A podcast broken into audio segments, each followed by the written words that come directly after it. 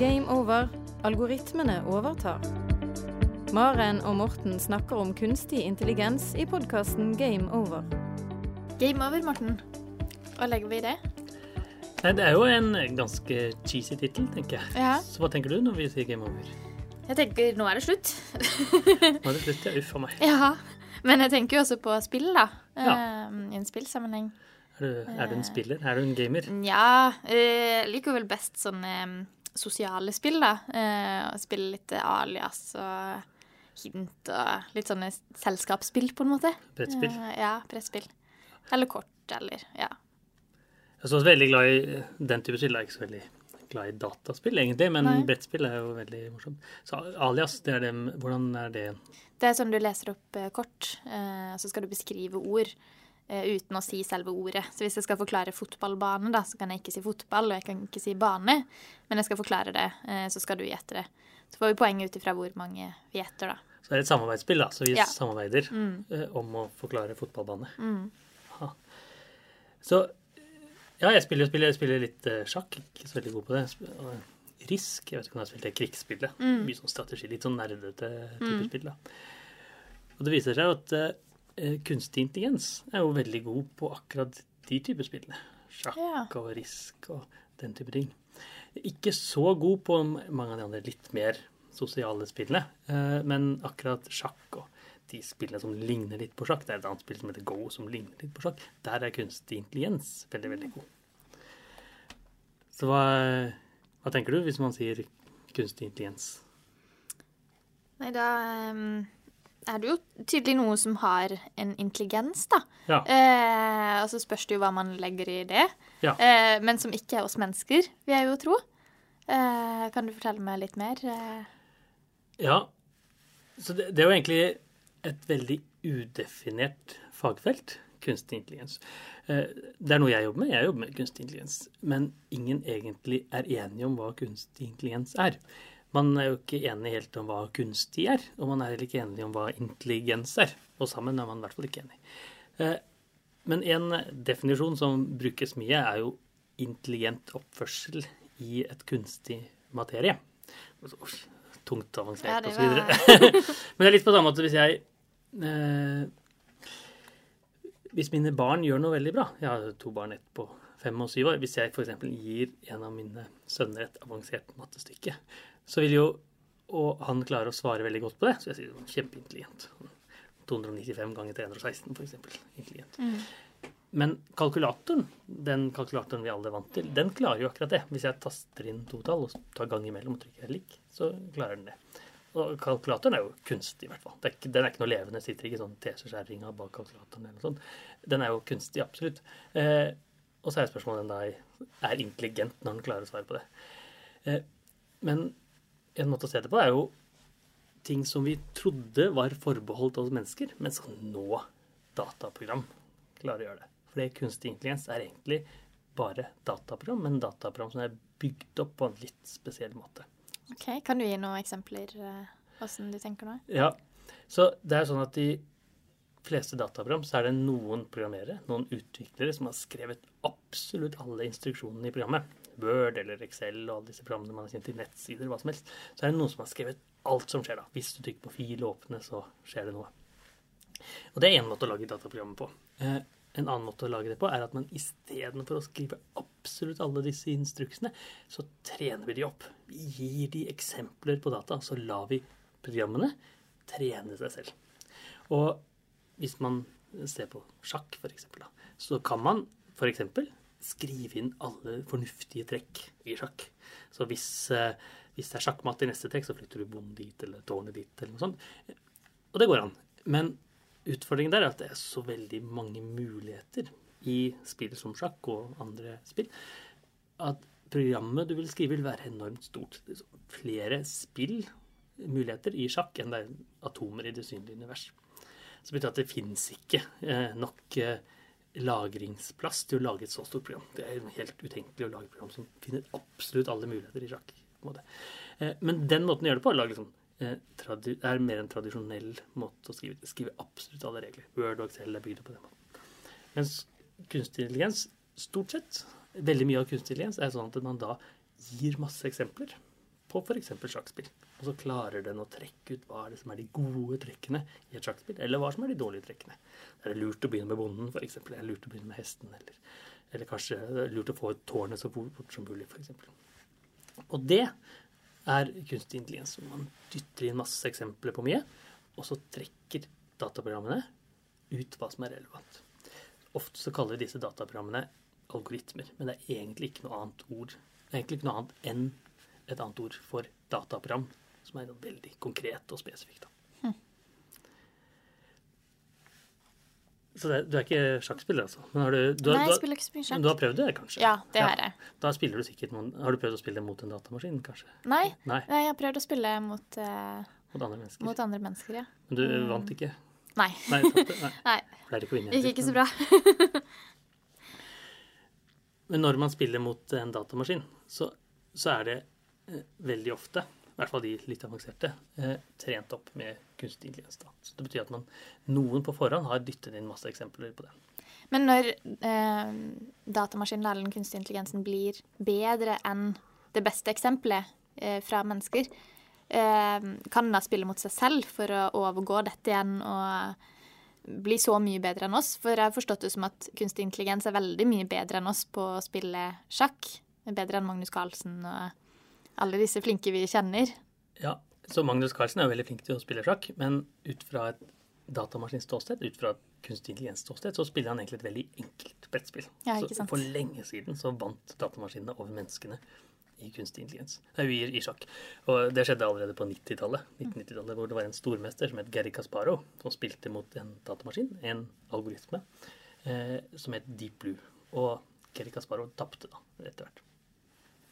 Det var lenge et spørsmål om det gikk an å lage et program, en algoritme, som var flinkere til å spille enn det spilleren selv var. Mm. Det visste ikke helt da. Så det, men det viste man allerede på 50-tallet. 1950-tallet. Det gikk an å lage programmer som var flinkere enn en Men hvordan kan det gå an når vi mater dem med den informasjonen vi har, og det vi kan? Ja, Kjempegodt spørsmål. Man skulle tro da at den ble liksom akkurat så flink som de dataene man dytter inn. Men eh, så vi mennesker har jo en begrenset kapasitet til å se absolutt alt i f.eks. et sjakkspill. Men når man da dytter inn mange eksempler, så klarer algoritmene, kunstig intelligens-algoritme, ut og trekke ut hva er det som er det generelle bedre av alle sammen. Hvis man da matter inn kanskje titusener eller millioner eller milliarder av sjakkspill, så er det mer sjakkspill enn selv Magnus Carlsen klarer å ha i hodet på en gang. Og da klarer han å trekke ut hva er det som er det generelle gode i disse spillene. Så summen av alt som dyttes inn, er større enn det hvert enkelt spiller. Du hører Maren og Morten snakke om kunstig intelligens. Har du spørsmål til Maren og Morten, send en e-post til gameover.alfakrølluia.no. Men nå må du eh, fortelle meg hva algoritmer er, for du bruker dette ordet opp mot kunstig intelligens. Men hva er egentlig en algoritme? Ja. Så algoritme eh, er noe som vi ofte forbinder med datamaskiner. Så det er egentlig en serie med instruksjoner. Så alle datamaskiner er bygd opp av masse instruksjoner, ener og nuller og, og sånt. Eh, men algoritmer fins egentlig overalt. Samfunnet er full av algoritmer. Så hvis jeg er ute og på jobbreise, f.eks., og hilser på noen, så er de måtene jeg hilser på et annet menneske på, også en algoritme. Ser i øynene og kommer fram med høyre hånd. Da. Man skal komme høyre, ikke venstre. Man skal ikke klemme for hardt da, hvis det er en man ikke kjenner så godt, f.eks. Så det er en algoritme. Hvis man gjør det feil, så, så har man liksom ikke forstått de sosiale normene. Vi har sikkert Eh, kan tenke oss personer som er sånn som ikke klarer helt å forstå de sosiale normene, da er det algoritmen ikke forstår. Men jeg har en én algoritme er ute og reiser og hilser på folk, og så er en annen algoritme når jeg kommer hjem til kona. Da kan jeg klemme. Jeg kan ikke håndhilse på kona, for det, da er det noe feil. på en måte. Eh, og det er algoritmer. Bare at vi i reisesammenheng så har jeg én algoritme. Hvordan hilser jeg på kollegaer eller folk jeg ikke kjenner så godt. Og så har jeg en annen algoritme. Hvordan jeg hilser på kona hver gang jeg kommer hjem. Som er noe annet. da. Så normer i samfunnet er algoritmer, med andre ord? Ja. Så vi består av en haug med algoritmer? Eller? Så i hvert fall det vi har lært, er en haug med algoritmer. Ja. Hvordan man hilser på hverandre, f.eks., er en algoritme. Men også hvordan vi spiser, f.eks. Så vi, setter, vi, venter til alle har kommet eh, ved bordet før vi setter oss ned og begynner å spise, f.eks. Og så spiser vi først eh, hovedrett, og så dessert etterpå hvis vi har dessert. Og så rapper vi ikke ved maten. Og så det er sånn normer og regler. Og hvis man ikke følger de, så er man liksom utenfor den sosiale normen. Man følger ikke algoritmen, om du vil. Og da vil det være ulikt da, fra forskjellige kulturer og forskjellige land? Ja, absolutt. Uh, ulike kulturer har ulike spisealgoritmer. Mm. Jeg har hørt, jeg vet ikke helt om det stemmer, men jeg har hørt at i Kina så er det lov å rape etter maten. Det er høflig å gjøre det. da. I Norge så er det ikke det. Så det er forskjellige algoritmer. Eh, eh, vi spiser med kniv og gaffel, stort sett. I Kina spiser man ofte med pinner, f.eks. Litt andre regler.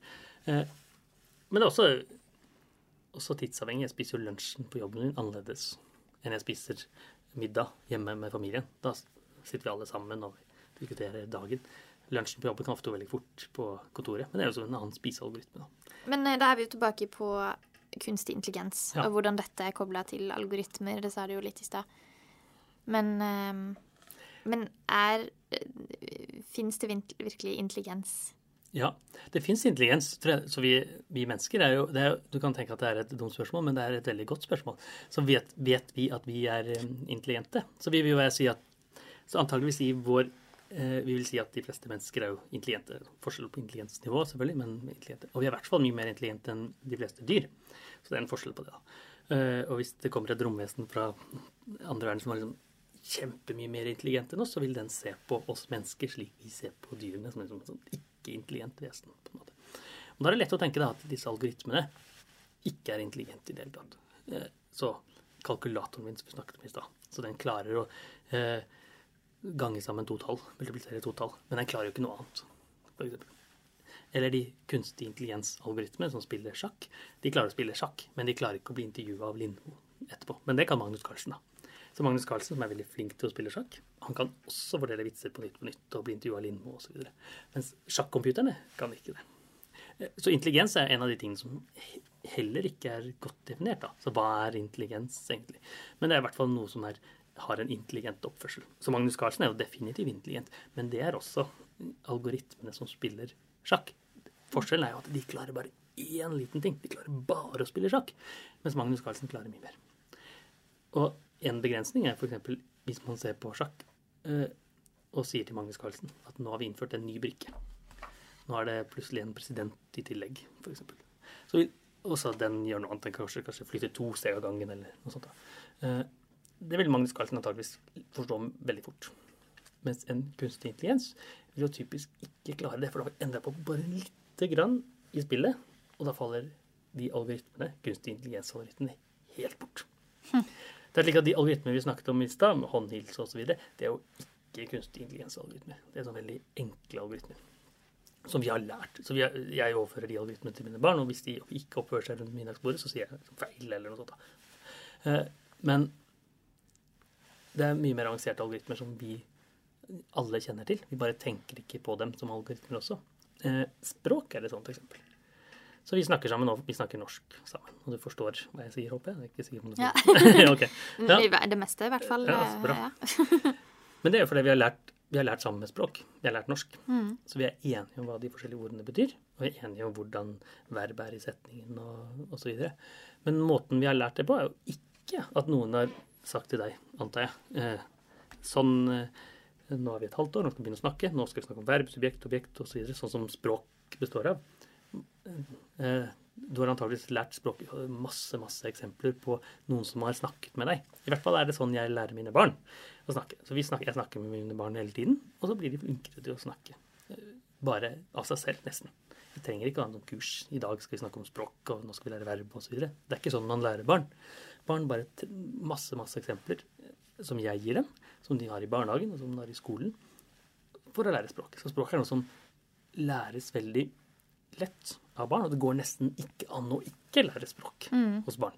Eh, men så er det andre ting da som, som må læres. Noe som, eh, jeg må lære eh, programmering, f.eks. til mine studenter. Det kan ikke bare dytte inn masse eksempler, det må bygges opp på en litt annen måte. Så vi mennesker er på en måte skapt, hvis man kan si det, for å lære språk, mens mange andre ting som er mye mer vanskelig å, å lære. Men det er en algoritme. Det er bare en mye mer avansert algoritme enn det å håndhilse. Det å snakke norsk er jo eh, noe som vi lærer av masse, masse eksempler, og så kan vi bruke det videre. Og Så da, på samme måte som vi lærer av masse eksempler, så lærer også kunstig intelligens av masse eksempler.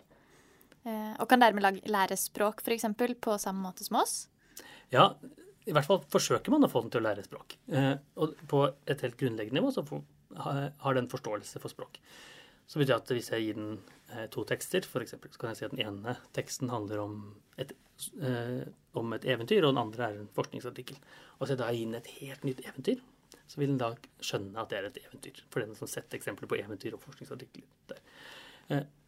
Hvis jeg får og det samme kan jeg, og det samme kan de fleste eh, mennesker. Hvis jeg gir to tekster og sier dette er et eventyr, og dette er en forskningsartikkel, så vil de kjenne igjen en ny eventyr på en eller annen måte.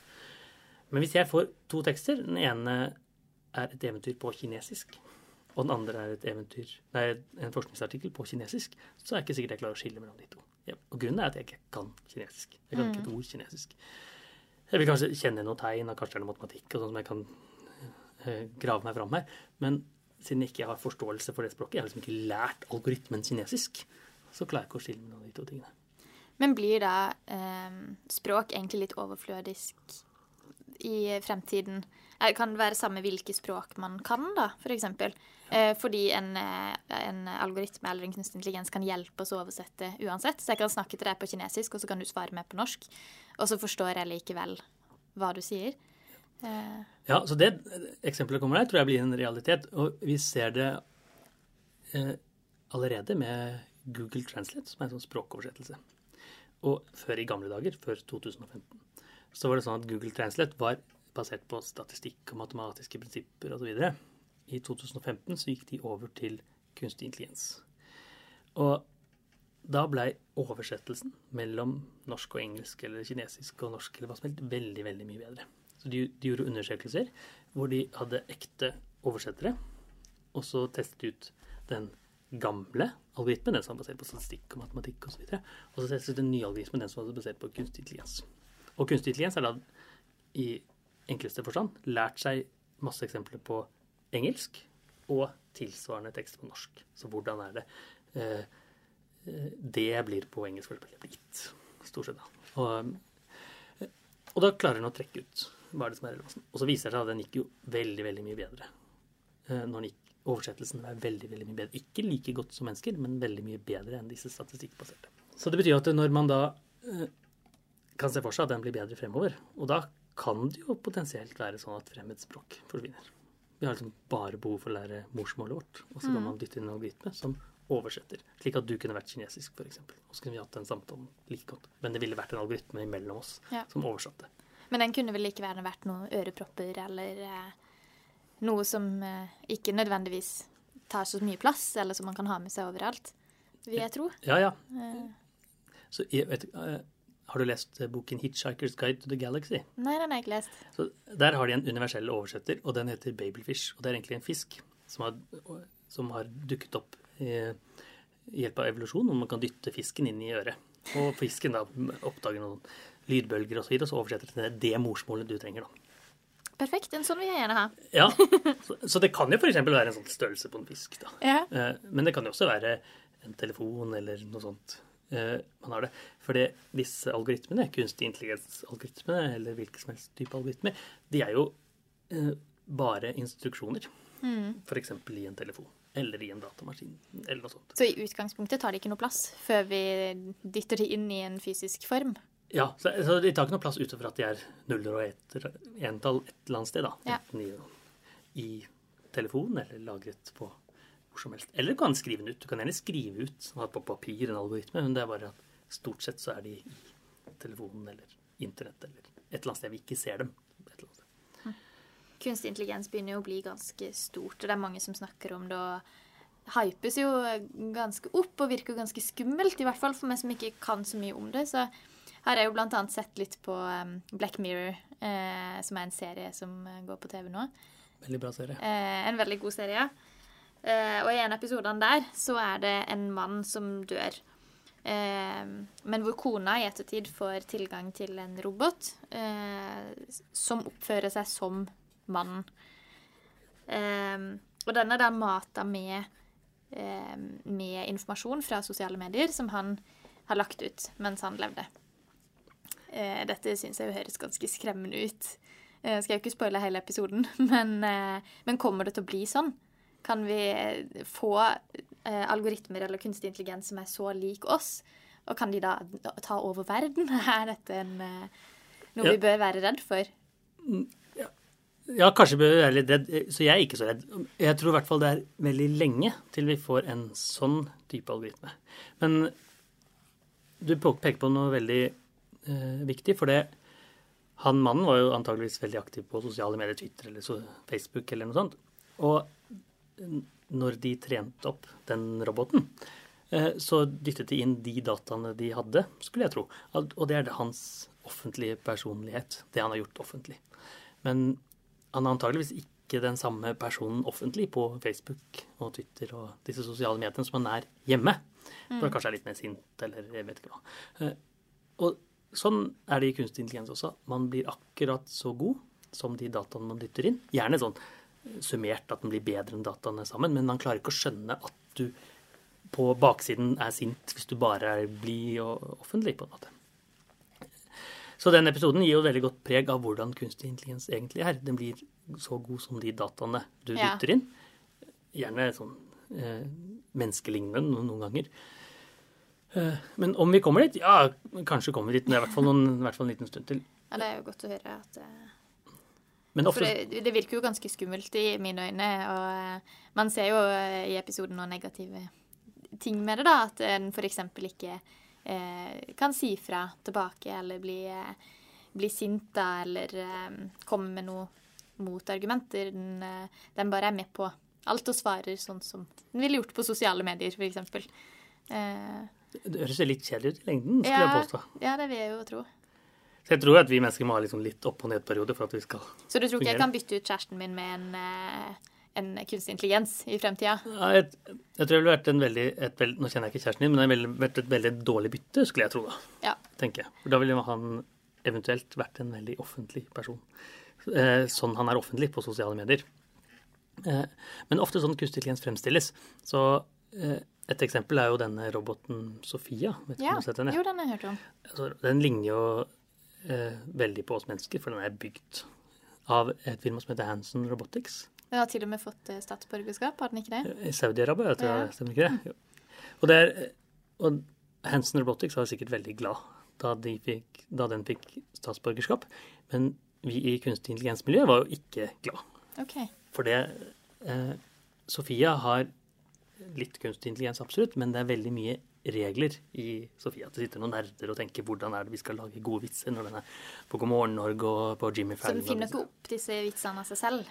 Absolutt ikke. Og det, det å fortelle vitser er noe av det no, Mange har prøvd med det med kunstig intelligens, og ingen har fått det til. i det hele tatt. Hm. Vitser er noe av det veldig vanskelig. Og når Sofia snakker om eh, Jeg tror en av de vitsene hun hadde, var Hun ble spurt om hun kunne tenke seg å gifte seg med programlederen. Og så sa han nei, jeg er bare tre år, jeg kan ikke gifte meg, osv. Så, videre. så det- var en vits som slo godt an. Og da tenker jeg, hva er det som egentlig skal til for at den kan forstå? Den må forstå både hva er de, forstå hva å gifte seg er. Ja. Eh, er de sosiale normene? Man gifter seg ikke med en treåring, f.eks. Og så må man klare seg å være akkurat innenfor grensen for at ikke det går i det groteske. Gifte seg med treåring kan fort gå inn i sånn grotesk vits som man absolutt ikke skal ha på God morgen Norge. Men det skal ikke være så innafor at det fremdeles er morsomt. Så det å fortelle vitser helt umulig for en kunstig intelligens i dag. Fordi det er så mye avansert logikk som ligger inni en vits. Så det betyr at hvis, du, jeg vet ikke om spiser du kransekaker? Ja. Da er det sånne eh, hva er det heter, bonbonger du smeller Ja, noen ganger. Så de vitsene Kunstig klarer ikke å lage de i det hele tatt. Nei, for de er for avanserte. For avanserte, ja. Selv de enkleste vitsene klarer man ikke. Så derfor, når Sofia fremstilles som en nesten menneskelig, nesten bevisst robot som vi bare har liksom, virker som vi forsker bare lite grann til, så får vi ekte mennesker, så får vi liksom vi kunstig intelligens-forskere litt vondt i hjertet og nesten overalt ellers, for det er ikke sånn kunstig intelligens er. Kunstig intelligens er avansert, kjempeavansert, men det er noe annet enn disse bevisste, nesten bevisste robotene som Sofia, eller personen i Black Mirror. For det er sånn at de fleste kunstige intelligenser i dag, de kan bare én ting. Én spesifikk ting. Så sjakkomputeren kan bare spille sjakk, f.eks. Og disse robotene som kan snakke språk, disse algoritmene som kan snakke språk, de kan veldig enkle språkting. Men de kan ikke mange ting samtidig, som f.eks. Sofia kan. Selv om de kan virke veldig intelligente, så er det noe annet enn liksom hele menneskehjernen i ett, som da Sofia. eh, Virker det som, da. Ja. Så Sofia kunne egentlig vært i hvilken som helst annen eh, pakning, da. Ja. Eh, trengte ikke å være et menneske, nødvendigvis. Eh, For det, det gjør oss jo ganske Det blir jo plutselig mye mer nært når du får en eh, menneskelignende skikkelse som forteller vitser og, eh, og snakker som Sofia, da. Ja, jeg tror nok det er helt med vilje at den ser menneskelig ut, fordi vi skal få en menneskelig følelse. Så antageligvis så ligger det noe i oss som gjør at når noe har øyne og munn osv., så, så så opplever vi det som et menneske. Eh, mens den er jo egentlig ikke noe mer avansert enn f.eks. en telefon. Min iPhone eller iPad eller, eller noe lignende. Det er bare at den har øyne og munn osv. Så, videre. så min iPad da, for eksempel, den har jo en høyttaler som kan snakke tilbake til meg, og jeg kan snakke til iPaden. Eller eh, OK Google eller disse smarte høyttalerne. De har jo akkurat det samme som Sofia. Man kan snakke til den, og den kan returnere. Stort sett så er det ikke så mye kunstig intelligens i det. Det er liksom regler som sier mye. Og så er det noe kunstig intelligens som klarer å lage noen setninger osv. Men det å holde en samtale, som Sofia kan, da, er tilsynelatende kan. Men disse samtalene er skriptet på forhånd. Så eh, journalister har blitt enige med de som programmerer roboten, hva man skal spørre om, og hva man ikke skal spørre om. Og det er jo sånn avansert ting som kunstig intelligens ikke, ikke klarer i det hele tatt. For litt over et år siden så jeg, eh, ble jeg spurt om å være med i en TV 2-debatt om kunstig intelligens. Og journalisten der jo, hadde jo sett eh, Sofia, selvfølgelig. Så, og det journalisten spurte meg om, det var Kan ikke du bare ta med deg roboten? Og så kan de snakke med deg om roboten innimellom. Og så tenker jeg ja, ja, det, det kan jeg jo sikkert. Jeg har ikke lyst til å si nei til det på TV og osv. Så, eh, så jeg må forklare da at Sofia, eksempel, er jo en robot som man kan holde samtale med fordi man har blitt enige om et manus på forhånd. Så vi kan bli enige om et manus først, sa jeg. Og så sa hun OK. Så vi kan bli enige om et manus, da. Eh, og den gangen så var det sånn at eh, Venstre, politiske partiet Venstre, skulle inn i regjeringen. Det var det snakk om da. Så da kunne man diskutere det. Så, så jeg kunne programmere roboten min sånn at den hørte et ordet venstre, og så kunne jeg tenke på en vits på forhånd. Og så får jeg beskjed om at eh, Erna Solberg også skal være med på samme intervju. Så Også noe sånn fin ting å være med på CV. da. Snakket med statsministeren om kunstig intelligens og, eh, og. Og da er det selvfølgelig naturlig at Erna Solberg kan snakke litt med roboten og så videre.